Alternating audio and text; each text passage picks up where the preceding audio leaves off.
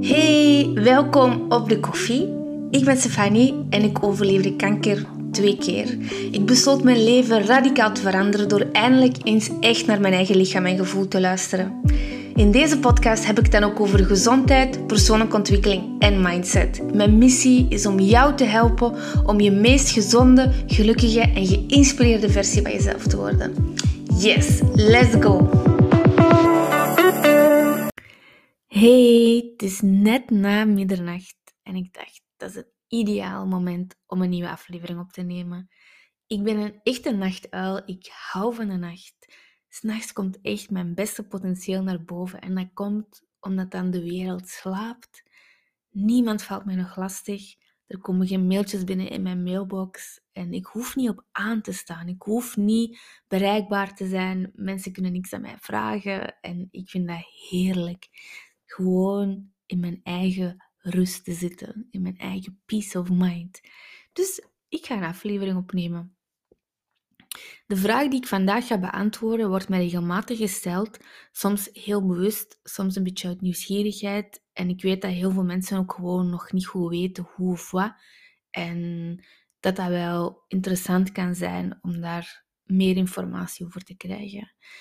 Het gaat over de vraag: hoe ziet zo'n kankerbehandeling er nu eigenlijk uit? Wat moet je allemaal doen en hoe beleeft je dat? Of hoe doorleeft je dat zelfs? Hè? Ehm, ik moet daarvoor zelf terug in de tijd gaan en even inchecken bij dat moment dat ik de diagnose kreeg en wat er toen allemaal is gebeurd. Is een hele rollercoaster, dus ik ga proberen om dat zo chronologisch mogelijk te vertellen. Ik heb in mijn vorige aflevering ook gezegd dat ik nimmer ging editen, dat ik de lat nimmer zo hoog zou leggen voor mezelf. Dus dat wil zeggen dat deze aflevering in one take is opgenomen. Ik heb een beetje voorbereid, maar zoals gewoonlijk spreek ik het liefst echt vanuit mijn buikgevoel, vanuit mijn intuïtie. Ik hou van die spontaniteit en een klein beetje impulsiviteit, omdat ik dan vind dat ik het beste mijn verhaal kan vertellen. Anders is het te geforceerd, dan lees ik te veel af en ik hou echt gewoon van stories te tellen. Dat is geen Nederlands, hè? stories tellen. Om verhalen te vertellen. Dus ik heb mijn diagnose op 1 juli 2013 gekregen. En die diagnose was er eigenlijk aan de hand van een biopsie die mijn gynaecoloog had genomen van een stukje weefsel waar ze dan in het labo kanker hadden ingevonden. Dus ze wisten dat ik kanker had. Maar daarnaast wisten ze eigenlijk niks.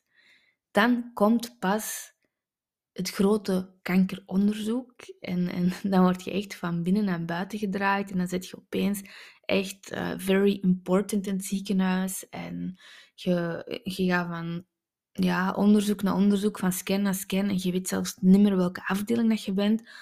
Omdat je gewoon helemaal gedesoriënteerd geraakt van de hoeveelheid onderzoeken en dokters en verplegers die op je afkomen.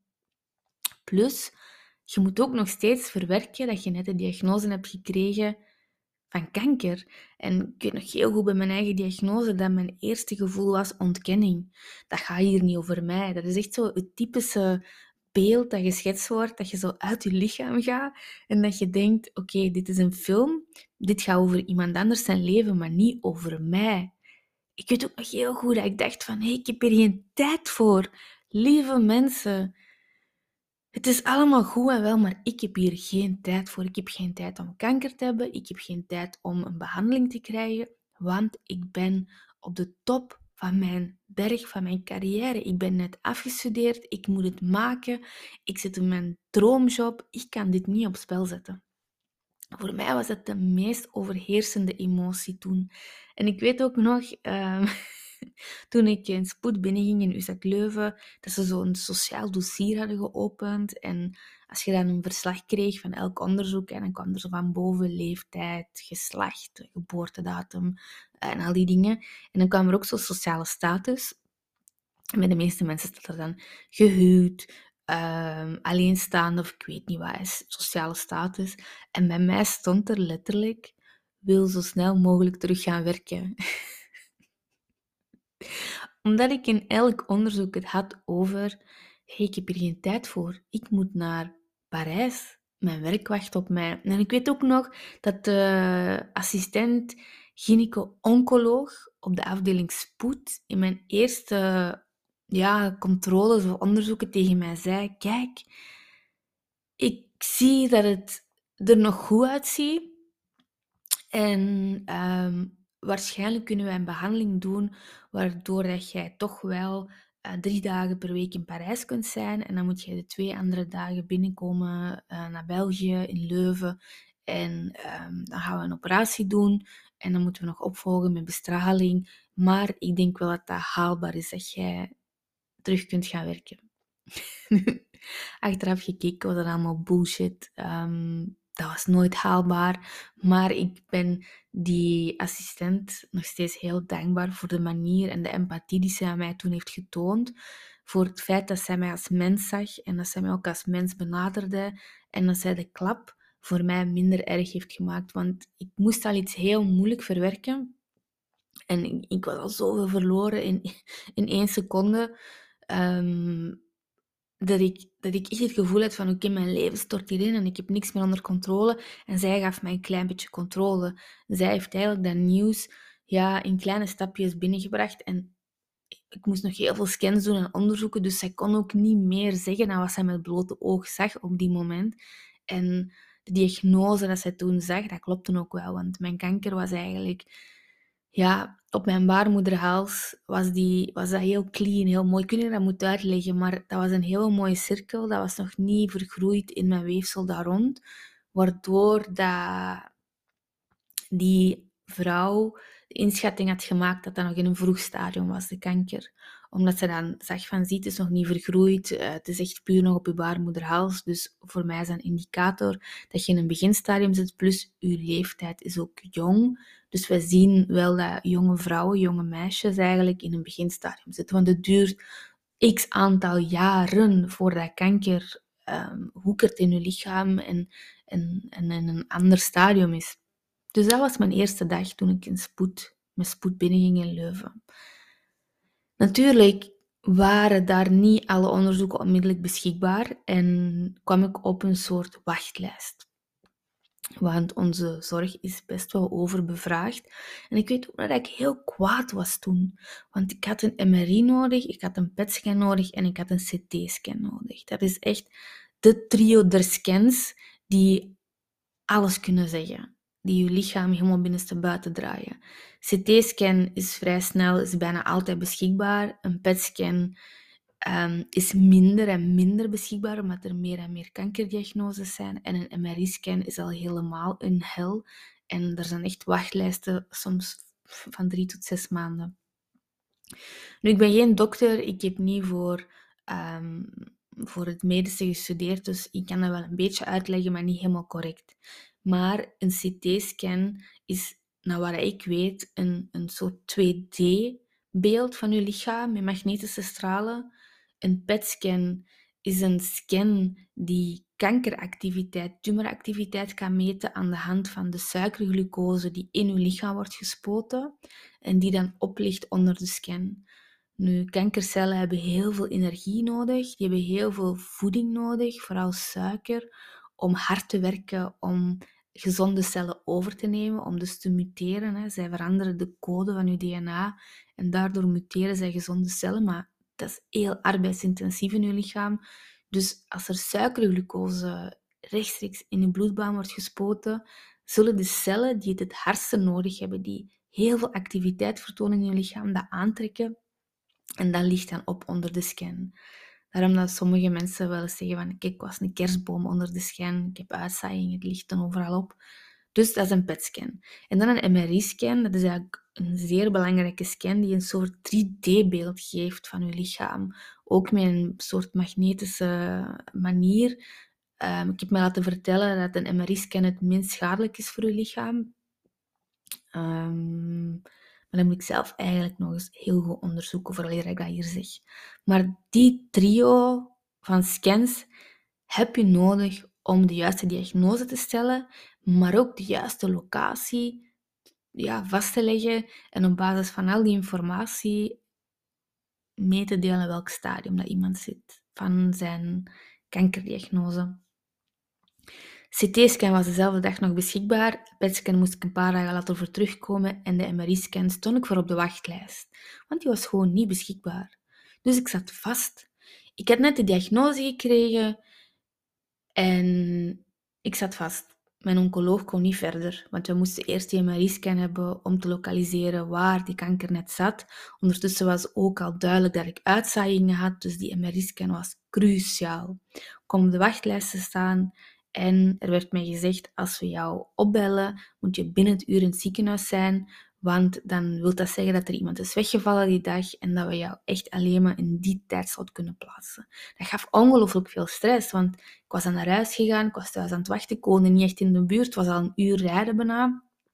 Dus ik gaf superveel stress. Op verschillende vlakken gaf dat eigenlijk stress. Want ja, ik moest wachten op een telefoontje, maar ik zat ook in die onzekerheid. Ik had nog geen perspectief qua behandeling. Ik had ook geen einddiagnose. Ik wist niet welk stadium waar met te wachten stond. Dus ik werd echt gewoon geparkeerd on hold.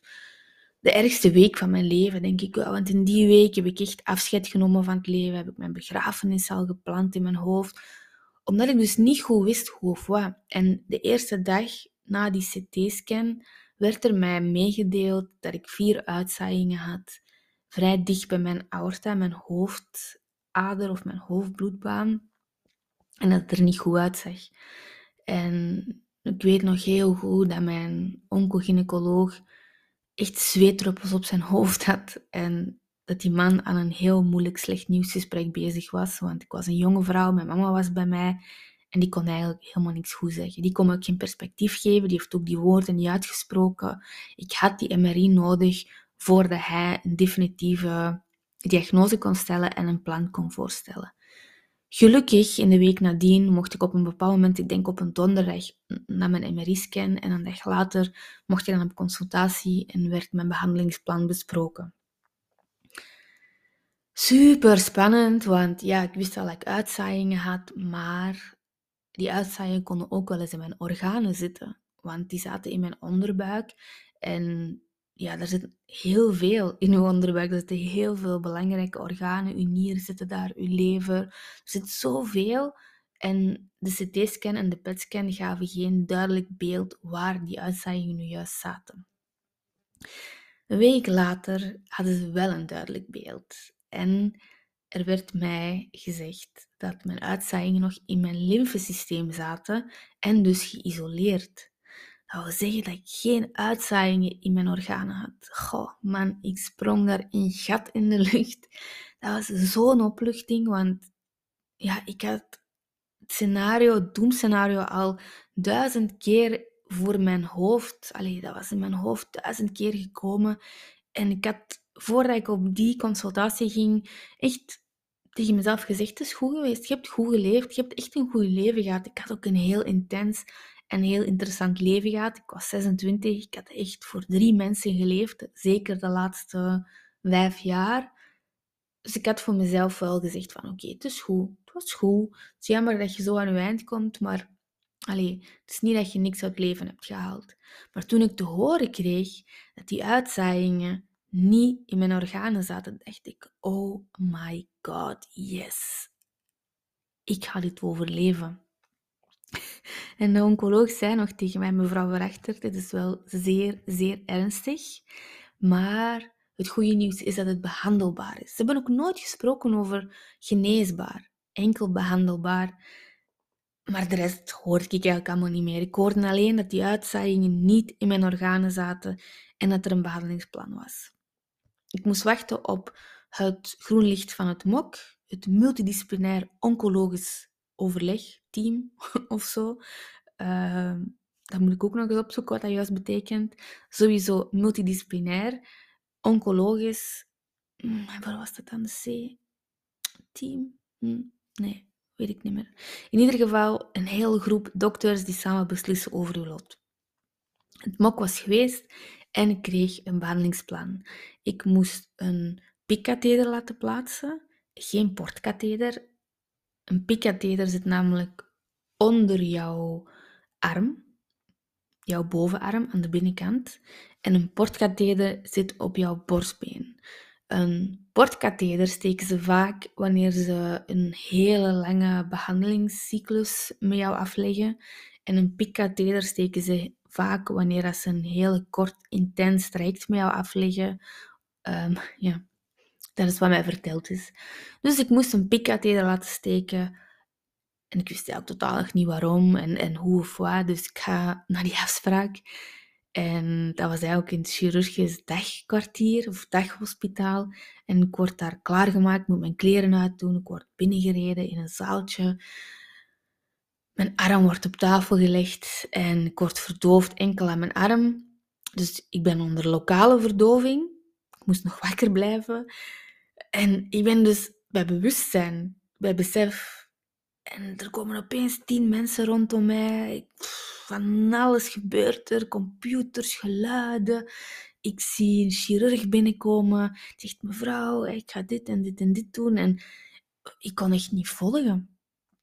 Ik wist natuurlijk wel dat ze een pikkatheter gingen steken, dus ik kon wel ergens volgen, maar ook nergens. Ik liet het maar over me heen komen. En op een bepaald moment zeiden ze, kijk, we gaan eraan starten. En dan moesten ze eerst foto's maken, want ze moesten in een van de beste aderen zitten. Want die pikkatheter, die werd dus in een van mijn grote aderen gestoken.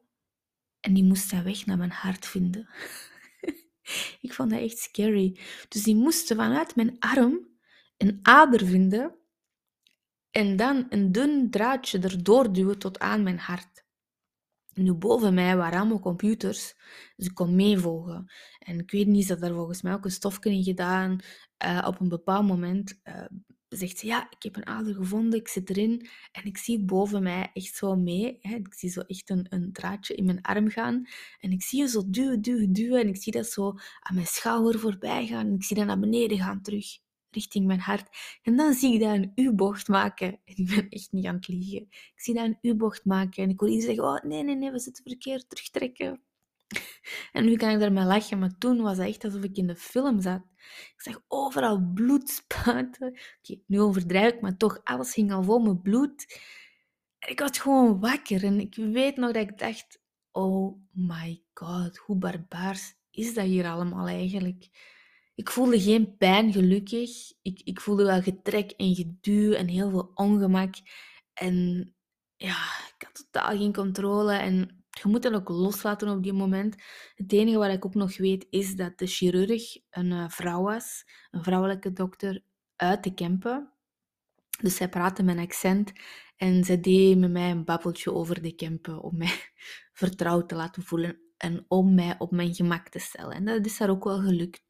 Dus na een tijdje zat die um, katheder erin en was ik klaar. Werd ik terug naar buiten gereden, mocht ik wat bekomen, mocht ik mijn kleren aandoen en mocht ik naar huis. En zat er dus een, um, een draad van een meter, denk ik zelfs. Ja, pak 40 centimeter, 40, 45, want ik heb hem nog gezegd, ik heb hem, ik heb hem mee naar huis genomen toen ze hem er ooit hebben uitgetrokken. Wat ook zonder verdoving wordt gedaan trouwens. Um, spoiler alert. Um, maar dat in mijn lichaam. Dus ik was klaar voor de chemo. En mijn eerste chemokuur stond een week later gepland. Op dinsdag. In ieder geval, ik moest op dinsdag binnenkomen en s'morgens nemen ze dan bloed om te zien dat je bloedwaarden goed staan. En dan moet je een paar uur wachten totdat ze dan op basis van je gewicht, je bloed en, en je toestand een uh, gepersonaliseerde chemococktail maken. Dat is heel belangrijk, je bloedwaarde, want um, je hebt dus de witte en de rode bloedcellen nodig om te kunnen functioneren. En chemo valt ook die cellen aan. En als je te weinig witte of rode bloedcellen hebt, dan moet je eerst een bloedtransfusie krijgen. Dan moeten ze eerst zorgen dat ze voldoende soldaten in je lichaam brengen, die dan kunnen vechten tegen die chemo om je goede cellen te beschermen. Dat is heel simplistisch uitgelegd. Dan wordt die chemococktail ook op maat van je gewicht gemaakt, want ja, iemand die zwaarder is, heeft meer nodig. Iemand die uh, minder zwaar is of jonger is. Hè. Er is ook een verschil tussen baby's en kinderen en jongvolwassenen en volwassenen. Dus die chemococktail wordt helemaal op maat gemaakt. En als ze dat binnenbrengen, dat is echt zo... Op je zak hangen doodskoppen, radioactieve stickers precies. Zo, ach man, dat is echt de hel eigenlijk. Want dan denk je, oh my god, moet dat dan in mijn lichaam? Dan word je echt geconfronteerd met het feit, dit is zo toxisch en giftig. Er worden overal stickers opgeplakt, dat niemand er mijn aanraking komt, maar dat wordt wel zo meteen in mijn lichaam gepompt. Dat was ook nog echt een, een, een herinnering die me heel levendig is. En ze vragen honderd keer, en ik overdrijf niet, honderd keer per uur zelfs, nee, nu overdrijf ik, maar per dag naar uw geboortedatum. Want ze moeten constant checken of dat die chemo wel voor u is. Um, ze hebben ook scanners tegenwoordig, dus dat is een barcode. Ze moeten uw bandje aan uw arm scannen en dan de barcode op de chemozak moeten ze scannen best wel goed georganiseerd, maar ze doen ook honderd keer een check van, zeg jij dat wel, zeg jij Stefanie, dus je geboortedatum 22.06.1987, opdat er geen fouten gebeuren. Dus die eerste chemokuur die ik kreeg, die, ja, dat liep eigenlijk heel vlotjes. En ik weet ook nog dat ik naar het ziekenhuis ging met enorm veel zelfvertrouwen. Ik had make-up aangedaan, mijn mooiste kleren en ik dacht, yes, I got this. Dit gaat mijn beste jaar ooit worden. En dat klinkt misschien heel fout, maar ik had mezelf echt uit dat, ja, die depressieve week waarin ik dacht dat ik ging sterven, had ik mijn eigen uitgetrokken en ik had me echt vastgehouden aan de woorden dat ik behandelbaar was, dat ik 5 tot 10 procent overlevingskans had en dat ik um, ja, in het beste ziekenhuis van de wereld op die moment was, naar mijn aanvoelen. Dus ik had veel vertrouwen in mezelf, in die behandeling.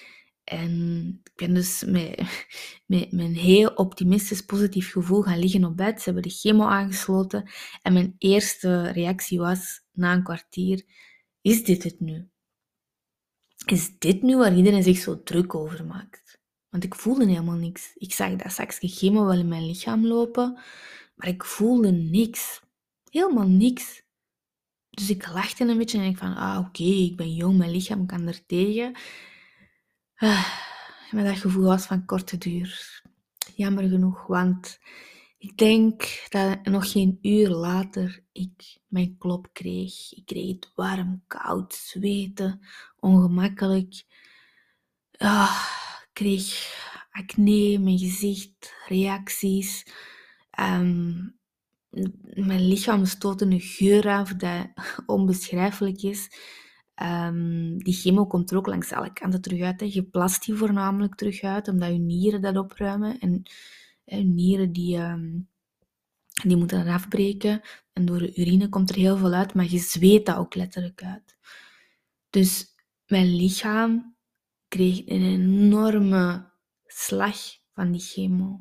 En ik moest zo elke week een chemokuur gaan halen. Zes in totaal. Nu, ik mocht niet naar huis na die chemo, want de specifieke chemo die ik kreeg, die was zo giftig en toxisch, dat ik eigenlijk onmiddellijk een spoeling met water moest hebben in mijn lichaam, met 8 liter water.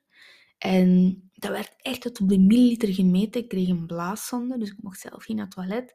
En ze moesten constant de urine of het vocht dat ik verloor, moesten ze meten. En als er geen 8 liter of 24 uur uit mijn lichaam was gekomen, kreeg ik allemaal vochtafdrijvers, kreeg ik extra baksters, want mijn lichaam moest gespoeld worden, zodat die chemo niet ergens vast bleef zitten. Opnieuw, zeer simpel uitgelegd. Um, dat was heel pijnlijk, zeker naar de laatste chemo's toe. Mijn lichaam was zwakker en zwakker, alles was ontstoken, die blaaszondes waren een ramp, want ik kreeg tegelijkertijd ook nog eens bestraling in dat gebied. Dus naarmate die kuren werden opgebouwd, werd mijn lichaam afgebroken. En ik denk dat mijn tweede of mijn derde, ik denk tussen mijn tweede en mijn derde cyclus, dat alle serotine en levenslust uit mijn lichaam was. Ik kon alleen maar naar het plafond staren en ik vond heel veel rust naar één punt te staren. En ik had geen honger, ik had geen zin, ik kon geen muziek meer verdragen, ik kon geen eetscheuren meer verdragen, ik kon geen mensen rondom mij verdragen, ik kon geen kleren verdragen. Soms zat ik gewoon in lauw water in bad naakt te zitten. Soms lag ik in bed gewoon te staren. Dus die chemo, dat was eigenlijk echt iets gek. Dat, dat kan echt heel je leven uit je wegtrekken. En daar waar ik heel positief en optimistisch startte, ben ik echt geëindigd als een wrak. Ik viel ook 2, 3 kilo per week af. Ik had ook doorlichtwonden op laatste. Ik was keizwak, mijn spieren waren verzwakt. En um, je moet weten dat ik een, een chemokuur heb gekregen van, van op zes weken tijd. Ik heb een heel intensieve behandeling gehad, zes weken lang. En op die zes weken was mijn gezonde lichaam in zoverre dat gezond was, want het was niet gezond, want ik had kanker, was mijn lichaam helemaal afgebroken. En ik denk dat ik zeker 15 tot 20 kilo ben afgevallen. Ik viel echt 3 kilo per week af en ik kon er ook niet tegenhouden. Ik kon niet eten, ik kon niks. Ik denk dat er een moment is geweest dat ze echt dachten aan zondevoeding, omdat ik op een bepaald moment een week niet heb gegeten. Um, ik heb trouwens veel langer gepraat dan gedacht. Ik zit al op 25 minuten en ik kan maximaal 30 minuten opnemen. En ik moet eigenlijk ook gaan slapen. Maar dus de chemo, zes kuren, zes weken achter elkaar, bam, bam, bam, bam, om mijn lichaam af te zwakken, zodat de bestraling die ze zouden toepassen nog beter zou werken. Dus dat was heel strategisch, allemaal perfect gepland en, en, en uitgerekend. Dus ik kreeg elke week chemo. Als dan mijn lichaam gespoeld was, mocht ik woensdag naar huis. Meestal kreeg ik donderdag mijn klap, maar echt mijn zware klap. Vrijdag, zaterdag en zondag waren een hel. Af en toe moest mijn mama zelfs komen kijken of ik nog leefde in bed. Maandag recupereerde ik een beetje, om dan dinsdag opnieuw diezelfde hel tegemoet te moeten gaan. Dus dat was heel zwaar. En dan heb ik nog niet eens gesproken over de bestraling, want die kreeg ik elke dag. Vanaf dag één dat ik chemo kreeg, moest ik ook elke dag van maandag tot vrijdag, in de weekends was ik vrij, moest ik naar de bestralingsafdeling. En voor de chemo kreeg ik een pikkatheter, maar voor de bestraling moest ik ook eerst op intake en moest er wel wat voorbereiding getroffen worden, want ik kreeg tattoos op mijn lichaam.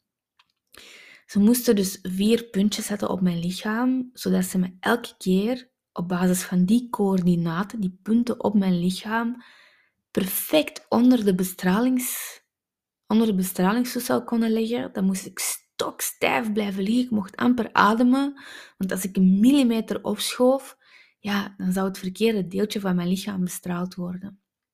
Dus aan de hand van scans en, en, en, en van alles en nog wat, werden er eerst op basis van lijnen, um, die dan via een laser op mijn lichaam werden gestraald in het donkere, werden er vier puntjes gezet, vier blijvende tattoos.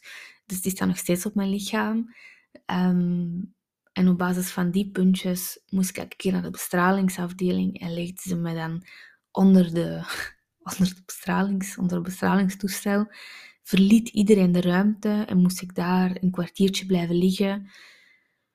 En ik voelde daar eigenlijk niks van. Om heel eerlijk te zijn, er stond altijd radio op, dus ik focuste me altijd op de radio. En dan ging er een toestel rondom mij, in een, in, rondom mijn as. Ik vond het altijd heel science fiction-achtig. Alsof dat ik ja, onderweg was naar de maan in een raket. Ik kan dat niet anders beschrijven. Ik lag dan op dat bankje, ik zag allemaal zo lichten van, van, van lasers en scanners rondom mij. En af en toe dan, dan zei iemand in een microfoontje, adem inhouden. Met zo'n rare stem moest ik mijn adem even inhouden, mocht ik terug ademen. En dan na een kwartiertje ja, gingen de lichten terug aan en mocht ik mijn kleren aandoen of werd ik in een rolstoel terug naar mijn kamer gebracht. Dat moest elke dag, van maandag tot vrijdag. En mijn radioloog, die verantwoordelijk was voor de bestraling, die heeft mij ook uitgelegd dat ze op het begin een heel groot vlak van mijn lichaam, een heel groot bereik bestraalde met een bepaalde dosering. En dat ze naarmate dat we op het einde kwamen, de, de dosering altijd maar sterker en sterker maakte en ook veel preciezer gingen scannen, of niet scannen, maar bestralen op de deeltjes waar mijn tumor zat en mijn uitzaaiingen. Dus dat ging zo een beetje in, in, in in crescendo en op, opbouwend. Waardoor dat, tegen ik mijn laatste chemocyclus was, de bestralingskracht zo was opgebouwd dat ze al die cellen, die kankercellen, kapot konden krijgen. stukje door de chemo afgezwakt en dan door de bestralingsbazooka, want zo noemde ik hem altijd, de bestralingsbazooka, werden die kapotgeschoten. Dat was het eerste deel van mijn behandelingsplan en mijn ervaring in het ziekenhuis.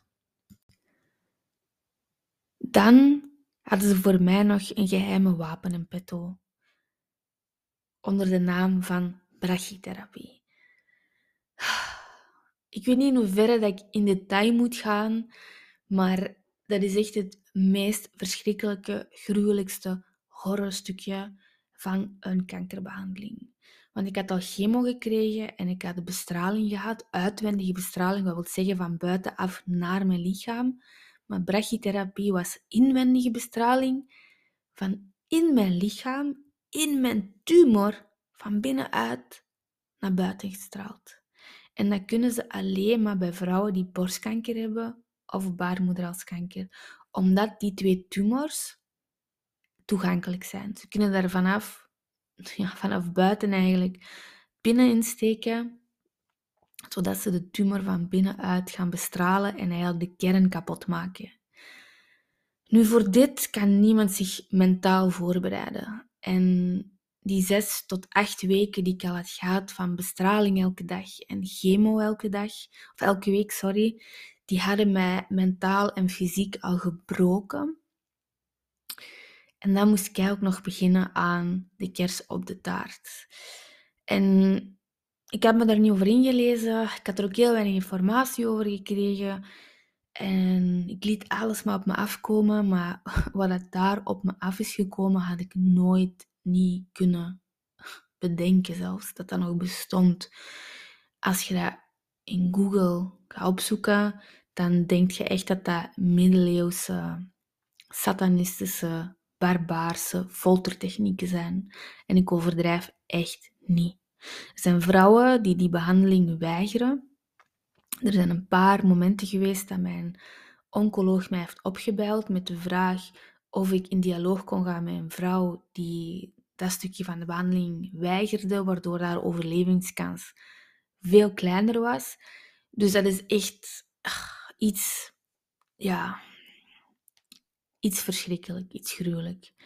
En wat dat is, is dat ze dus jou in slaap doen, echt ja, onder anesthesie.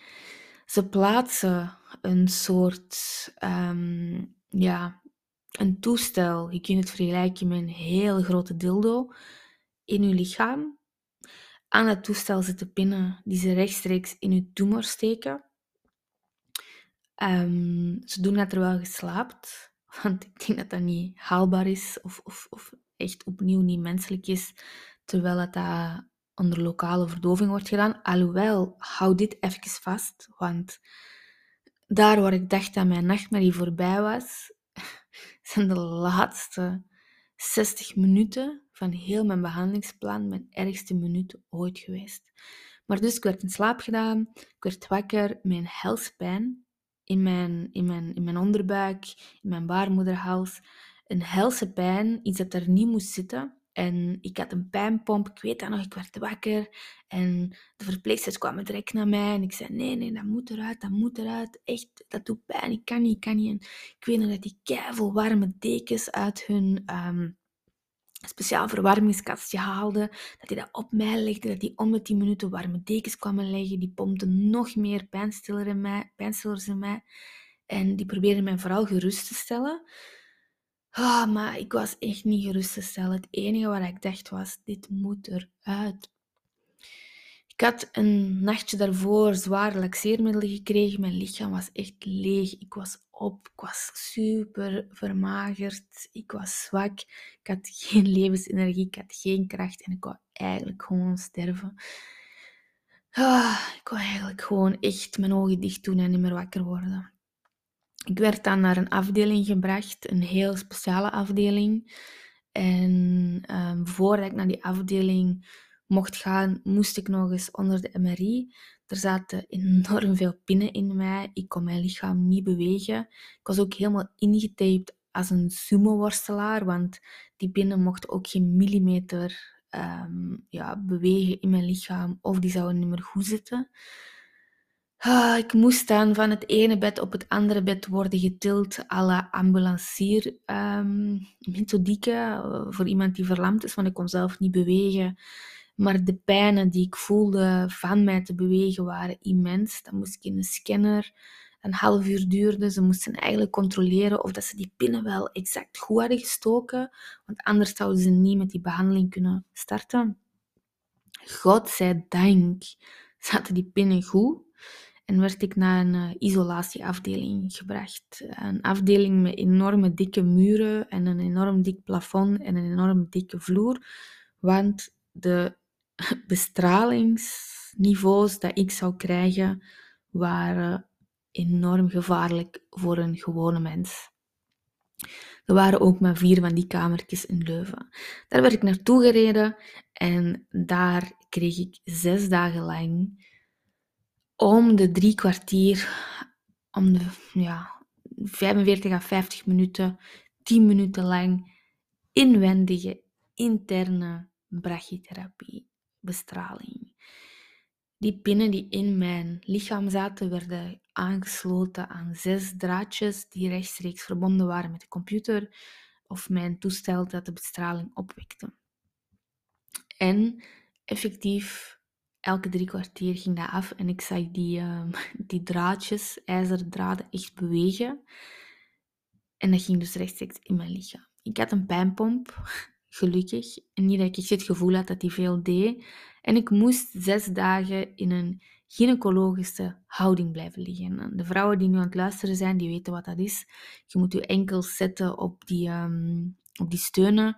En je moet eigenlijk met je knieën gebogen zijn, met je kont naar beneden en, en je ligt op je rug. En, en, zo moest ik dus zes dagen blijven liggen, 24 of 24, zonder te bewegen. Natuurlijk zat er niks in mij, dus had ik geen stoelgang. Ik had een blaaszonde en ja, dat was mijn leven. Zes dagen lang in een kotje, geïsoleerd. Ik mocht ook amper bezoek ontvangen. En als er dan bezoek kwam, dan moesten zij de kamer eigenlijk constant verlaten. Um, want ja, die bestraling die ging constant af. En dat was een heel eenzame, donkere week. Um, waar dat ik ja, mijn leven heb zien voorbij flitsen. Ik weet ook nog heel goed dat er recht tegenover mij een jongetje zat. Uh, ik denk dat die vijf, zes jaar was. Ik hoorde die dag en nacht schreeuwen en roepen. Die had, als ik me niet vergis, een hersentumor. En die was met een soort jodium of, of ja, ook iets heel kankerverwekkend en gevaarlijk bezig. Um, die huilde om zijn ouders. Die at niet. Um, die ouders bestelden elke dag pizza, brachten McDonald's. Ik hoorde dat allemaal. Ik heb die mensen niet gezien, maar ik hoorde dat allemaal op de gang. En ik lag daar dan. In mijn eentje, helemaal naakt. Mijn pijn, ik kon niet bewegen, ik kon niet naar links, ik kon niet naar rechts. Uh, ik had geen honger, ik had geen dorst. En ik moest eigenlijk gewoon aftellen tot de dagen voorbij waren. En die gingen heel traag. Heel, heel, heel traag. Ah, en toen dat de dagen bijna voorbij waren, besloot mijn dokter om mij toch nog een paar uur extra te geven. Want hij zei dat mijn lichaam, omdat ik zo jong was, er best allemaal goed tegen kon. En hij wou het zeker voor het onzekere nemen. En hij wou nog een paar uurtjes langer door blijven bestralen. Omdat ik uh, een tumor had van, van, van 4 centimeter en dan die uitzaaiingen. En ja, die man wou mij gewoon redden. Hè. Die wou mij genezen. En die was zo overtuigd van zijn behandeling. Die had daar jarenlang onderzoek naar gedaan. En die was ook heel trots op, op, op de resultaten die hij boekte. Dus ik vertrouwde die met mijn ogen dicht. Dus natuurlijk ben ik uh, langer gebleven. Het is niet dat ik echt kon weglopen. Um, was wel heel moeilijk voor mij. Op een bepaald moment is mijn uh, arts naar mij toegekomen, ik denk in de derde dag, want die kwam wel regelmatig kijken. En die zei, Stefanie, ik heb eigenlijk goed nieuws. En ik had ook wel echt goed nieuws nodig, want ik was bijna de moed aan het verliezen. En die zei, kijk, we hebben nu onder de MRI moeten leggen, omdat we moesten zien dat die pinnen goed zaten. En we hebben eigenlijk gezien dat uw uitzaaiingen al zodanig gekrompen zijn dat die zelfs niet meer of amper zichtbaar waren. Nee, die waren niet meer zichtbaar. Sorry. Mijn uitzaaiingen waren niet meer zichtbaar op de scan. En mijn tumor was al met 80% gekrompen. Holy moly. Dat was echt het lichtpuntje dat ik op die moment nodig had.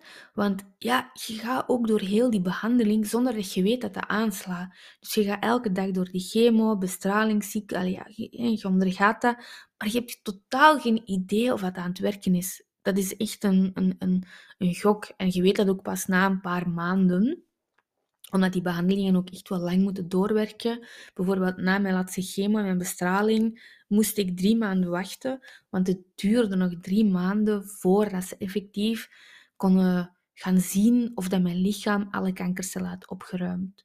Trouwens, voor mij ook iets heel moeilijk om te begrijpen. Hè? Uh, door een zakje vloeistof en een science fiction computerarm bazooka die rond mij heen gaat, gaan jullie kanker uit mijn lichaam krijgen. Voor mij, ik zat echt nog in, in de gedachte van, dat moet geopereerd worden, je moet dat wegsnijden en verwijderen en dan is dat weg. Ik kon niet geloven dat door die andere behandelingstechnieken of methodes, dat, dat, dat die kanker weg kon gaan. Nu, ik heb dan geleerd dat ze de cel kapot maken en dat je lichaam in kapotte cel zelf opruimt. Je lichaam is iets fascinerends, hè? Oh my god. Ons lichaam is zo slim, zo intelligent. Dus de cellen worden kapot gemaakt, de slechte cellen. En uw lichaam ruimt dat zelf terug op. Door uw lever en uw nieren worden die gefilterd. En jij plast en zweet uw kanker uit. Letterlijk. Daarom dat je waarschijnlijk ook zo stinkt tijdens een chemo. Oh, ik hoop dat mensen zich herkennen in mijn verhaal, die uh, hetzelfde hebben meegemaakt als mij. Ik zal die chemogeur nooit vergeten. Maar dus, dat moment was een lichtpuntje. En daardoor kon ik die extra uren ook nog wel aan. Maar dan kwamen de ergste 60 minuten van mijn leven tot nu toe. Eerst en vooral was ik helemaal als een sumo-worstelaar ingepakt met een plakband die nog sterker was dan duct tape. Ja, dat is plakband, dat kennen we niet in onze, in onze gewone wereld. Die plakband was zo sterk dat het gewoon niet van mijn huid ging. En ik weet nog dat de verpleegster uh, van de nachtshift om één uur naar mij kwam en zij kwam zeggen: Stefanie, begint al een beetje los te peuteren. Om zes uur mocht ik uh, de behandeling stopzetten en mocht alles verwijderd worden. Dus ik was echt seconden aan het aftellen. Letterlijk seconden. Ik heb die week ook echt niet geslapen. Hè. Dat was insomnia. Ik kon ook niet slapen. Hè. Ik had ook elke dag meer doorlichtwonden. En goh, man, dat was echt rampen. Iedereen smeekte mij om te eten, maar ik kon niet eten. Ik kon niks. Mijn lichaam ging gewoon in shock. Mijn lichaam was klaar. Mijn lichaam wou niet drinken, niet eten, niks. Ik wou niemand meer zien. Ik had droge tranen ik was op. Mijn lichaam was, was, was, ja, was op. Ik kan het niet anders beschrijven.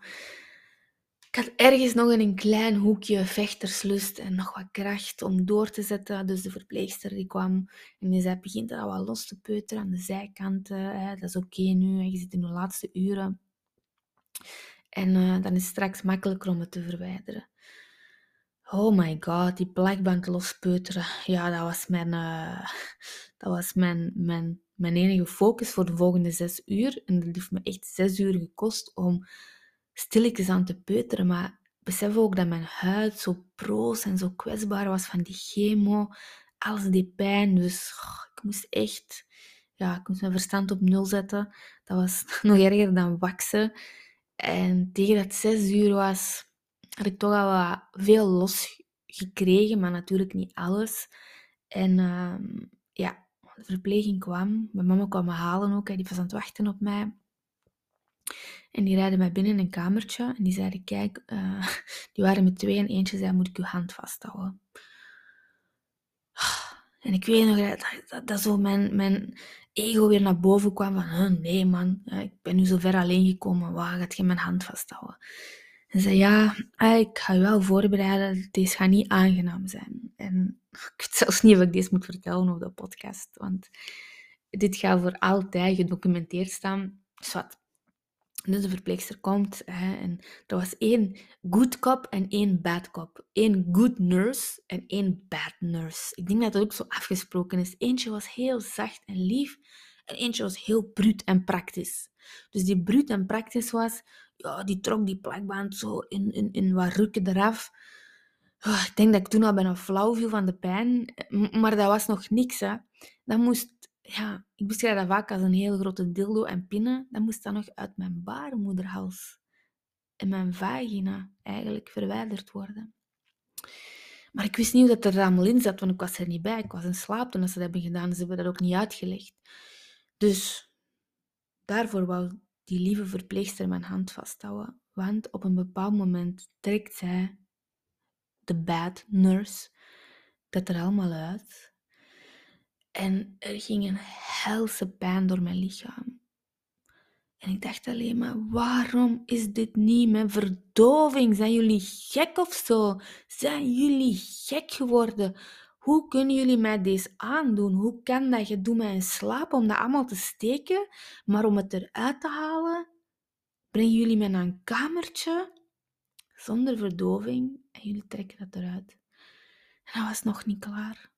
Want blijkbaar zaten er allemaal wieken helemaal in mijn baarmoeder ingang, hoe je het ook moet noemen. Maar al dat vlees, al mijn weefsel was verbrand, was ja, open.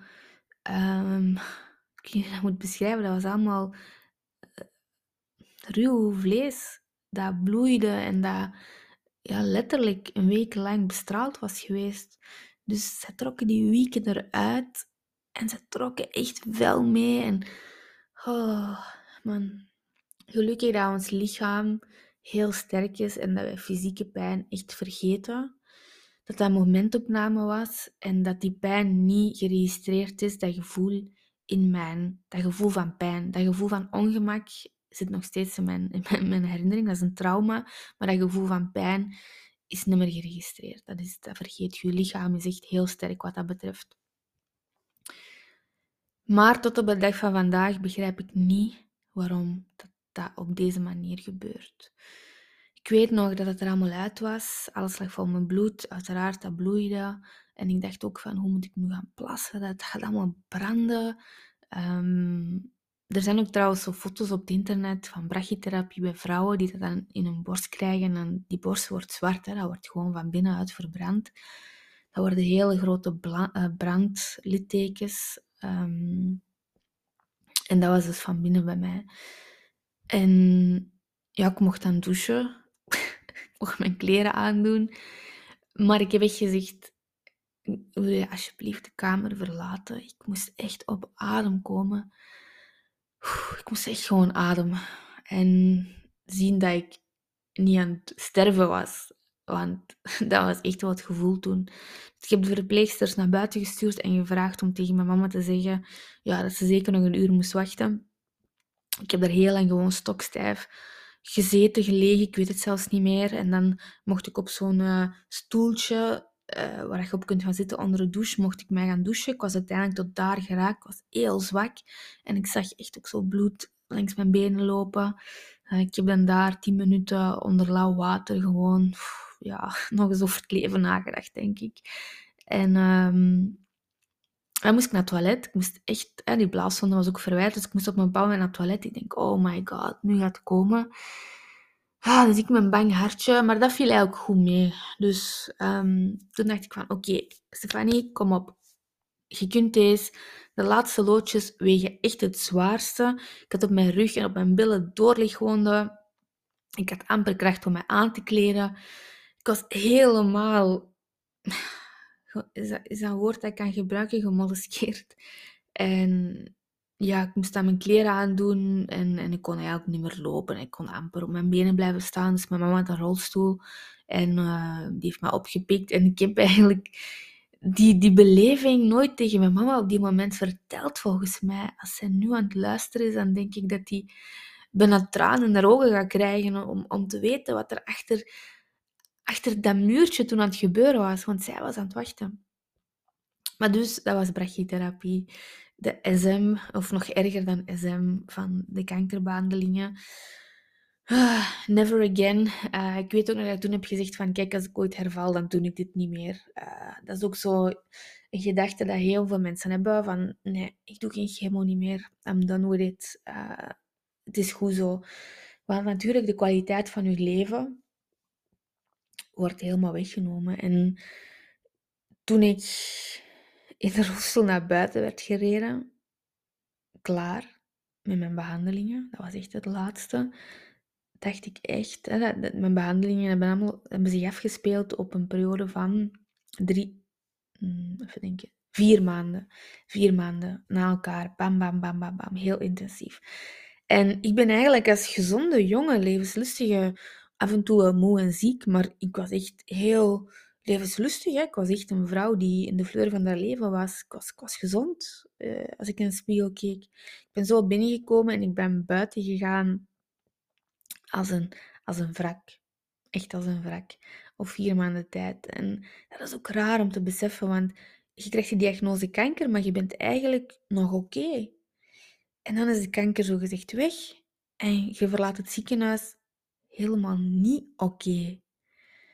Heel veel mensen sterven trouwens ook aan de gevolgen van de behandeling en niet aan kanker. Dat is ook zoiets waar me altijd is bijgebleven. De meeste mensen sterven door het falen of het opgeven van je lichaam door de hoeveelheid van behandelingen. dat is echt slikken, want ik heb daar ook in gezeten. In ieder geval, ik mocht naar huis. Godzijdank voor mijn mamatje die mij kwam halen. Um, ik heb onlangs die route nog eens gedaan, omdat ik bij haar ging eten na een ziekenhuiscontrole. En de route naar huis heeft heel veel vluchtheuvels. En elke vluchtheuvel naar huis was alsof ik even terug in die horrorkamer zat. En ik weet nog dat ik echt tegen mijn mama zei, please, nee, niet zo hard rijden. Mijn mama durfde amper nog over de vluchtheuvel, maar elk klein shockje deed pijn. Mijn lichaam was gewoon, ja, ja was, was, was een en al pijn.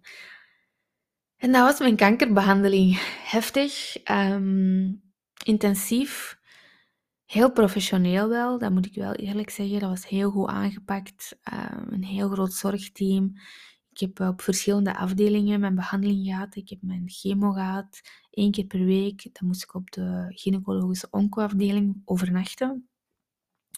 Dan moest ik van maandag tot vrijdag elke keer naar de bestralingsafdeling. Dat is een andere afdeling van het ziekenhuis. Moest ik elke dag. En ook qua bestraling hebben ze nog een paar extra sessies toegevoegd. En ik ben mijn, ben mijn oncoloog daar nu wel heel dankbaar voor, want ik herinner me nog dat er bepaalde sessies gepland waren, maar dat er ook bij de gewone bestralingssessie, denk ik, een stuk of tien waren bijgekomen. Dus op een bepaald moment was ik aan het aftellen, ik kreeg er 35 in totaal. Ik denk dat ik er 48 heb gehad. Ik kon nog eens kijken op mijn papieren. Um, en dan zei hij, ja, we gaan er toch nog een paar extra doen. die leidde ook heel goed uit, dus ik was heel betrokken bij mijn behandeling toen. En dan als kers op de taart de brachytherapie. Uh, ja, die ik um, heb overleefd. Trouwens, om uh, deze aflevering van een uur te eindigen met heel goed nieuws, is dat ik um, in eerste instantie te horen kreeg dat ik na al mijn behandelingen ja, totaal geen uh, seksleven meer zou hebben. Dus dat ook nog eens als jonge vrouw van 26 uh, krijg je dan te horen van dat je ook nooit geen seks meer kunt hebben. Of toch niet op de normale manier. Het zou altijd heel pijnlijk zijn. Uh, ik zou ook in mijn menopauze belanden. Ik zou nooit meer zelf uh, lichaamsvocht kunnen aanmaken. En, en ik zou altijd littekenweefsel hebben. Dat ze zelfs af en toe terug moeten opensnijden. Ja, allee, dat was ook weer horror. Ik kreeg dan een, een, een opvolggesprek met een seksuoloog die dan een soort dildo-staafjes meegaf om dan mijn, mijn, mijn baarmoeder mond open te houden of hals open te houden. En dan moest ik dat zo een paar keer per dag doen en moest ik dat oefenen en ik moest dat soepel houden. En oh, dat was dan eigenlijk ook horror. Dat was ook echt horror, horror, horror. Ik kan er niks anders bij beschrijven. En um, ik heb eigenlijk mijn knop omgedraaid op een bepaald moment. En drie maanden na mijn behandeling heb ik voor mezelf gezegd van oké, ik ben niet mijn kanker. Ik ben geen slachtoffer van mijn behandeling. Mijn lichaam is sterk. Ik heb een zelfhelend vermogen. Ik moet niet leven naar mijn diagnose. En ondanks dat ik al deze, ehm, ja, al deze diagnoses, hè, want dat was dan weer een nieuwe diagnose dat ik geen seks zou kunnen hebben, heb gekregen, ga ik toch mezelf in het leven smijten. En ik ben eigenlijk terug actief geworden seksueel. En het eerste jaar was dat echt gewoon medische seks. Ik, lag daar nog altijd mee, omdat ik zoiets had van, ik ga er echt niet van kunnen genieten. En, en die partner die zich opoffert voor mijn gezondheid ook niet. Maar ik heb het nodig om uh, mijn lichaam terug te activeren, om mijn weefsel daar soepel te houden en om gewoon terug te genezen helemaal te genezen. Niet half, maar helemaal. Dat was mijn plan. En dat plan is mij gelukt. Want ik heb betere seks dan ooit. En ik heb totaal geen littekenweefsel daar beneden. Elke keer als ik op controle ga, dan ben ik echt het controleobject. Want omdat alles zo goed is genezen, um, haalt de oncoloog er altijd een stuk of tien assistenten in opleiding bij om dan te komen zien hoe dat ik daar lig, heel awkward, zonder uh, kleren, mijn eendebek in mij, om dan te showen met wat voor voorbeeld patiënt ik wel niet ben in het herstellen na brachytherapie. Enige wat er te zien is, zijn twee lijntjes van de pinnen die helemaal aan de zijkant zaten.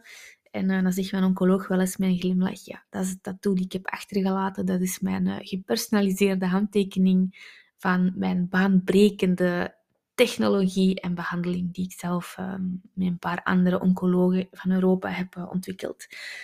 Dus dat is het enige wat er nog te zien is. En voor de rest marcheert eigenlijk alles supergoed. Ik heb heel veel glijmiddel meegekregen van het ziekenhuis, nooit gebruikt. En ik denk dat ze me ook hebben verteld dat ik geen orgasmes meer zou kunnen krijgen, maar dat is ook een leugen. Dus nogmaals, statistieken zeggen niet alles. En ja, er zijn heel veel verhalen, maar uw eigen persoonlijke health journey, uw patient journey, is uniek. Iedereen maakt die op zijn of haar manier mee. Ik heb nog vier minuten en dan uh, is mijn opnametijd echt klaar. Misschien moet ik nog uh, één klein laatste weetje meedelen, want iedereen die in een, in een kankerbehandeling zit, die heeft een soort craving. Hè. Je hebt dat zo'n zwangere vrouwen die een soort craving hebben, maar mensen die door een kankerbehandeling gaan, die hebben geen craving, dat is verkeerd uitgedrukt, maar die hebben een bepaalde combinatie, want je kunt amper nog eten op een bepaald moment. Maar er is altijd iets wat u heeft rechtgehouden. Bij sommige mensen zijn dat ijsjes, bij sommige mensen zijn dat, uh, is dat chocomelk. En bij mij was dat iced tea en Haribo snoepjes. Dat waren de twee dingen waar ik op een of andere manier toch nog van kon genieten. En dat was eigenlijk ook mijn ontbijt, mijn, mijn lunch en mijn avondeten. Dus uh, doorheen mijn hele behandeling is datgene waar ik heb gegeten en gedronken. Um, niet veel, daarom heb ik ook veel was afgevallen. Maar zo heb ik dus heel mijn behandeling beleefd. En na die laatste dag, waarop ik in een rolstoel naar buiten ben geduwd en waarop ik echt opnieuw heb moeten leren stappen, mijn spieren heb terug moeten opbouwen, uh, moest ik drie maanden wachten alvorens ik opnieuw naar het ziekenhuis mocht komen om te horen of de behandeling was gelukt, of mijn lichaam kankervrij en op weg naar een uh, volledig herstel en gezondheid kon gaan. En dat waren ook drie hele moeilijke maanden voor mij. Maanden van herstel, stukje revalidatie, stukje acceptatie, een stukje verwerken. Um, dat laat ik voor een volgende aflevering. Sorry voor de details, uh, voor de gevoelige luisteraars, maar ik weet dat ik een paar vrouwen die in mijn schoenen nog moeten staan, dat die daar enorm uh, mee kan helpen en een hart onder de riem kan steken. En als je al weet wat er op je afkomt en als je weet dat bepaalde uh, andere vrouwen, in mijn geval, want ik heb een vrouwelijke kanker gehad, daardoor zijn gekomen en daar op een positieve manier toch wel ja, van gegroeid zijn en, en, en dat fysieke zijn vergeten, dat emotionele moet ik nog steeds wel gaan verwerken. Ik ga ook naar de oncopsycholoog, maar toch, ik sta er en het heeft mijn leven gered en ik ben enorm dankbaar dat ik chemo, bestraling en brachytherapie heb gehad. Een hele ernstige en, en zware cocktail als kankerbehandeling, maar wel eentje die zeer doeltreffend is geweest, waardoor ik vandaag de dag deze aflevering kan opnemen. Dit was mijn eerste kankerbehandeling. Want ik heb natuurlijk een tweede keer kanker gekregen en dat was een heel ander verhaal. Ook voor een volgende aflevering.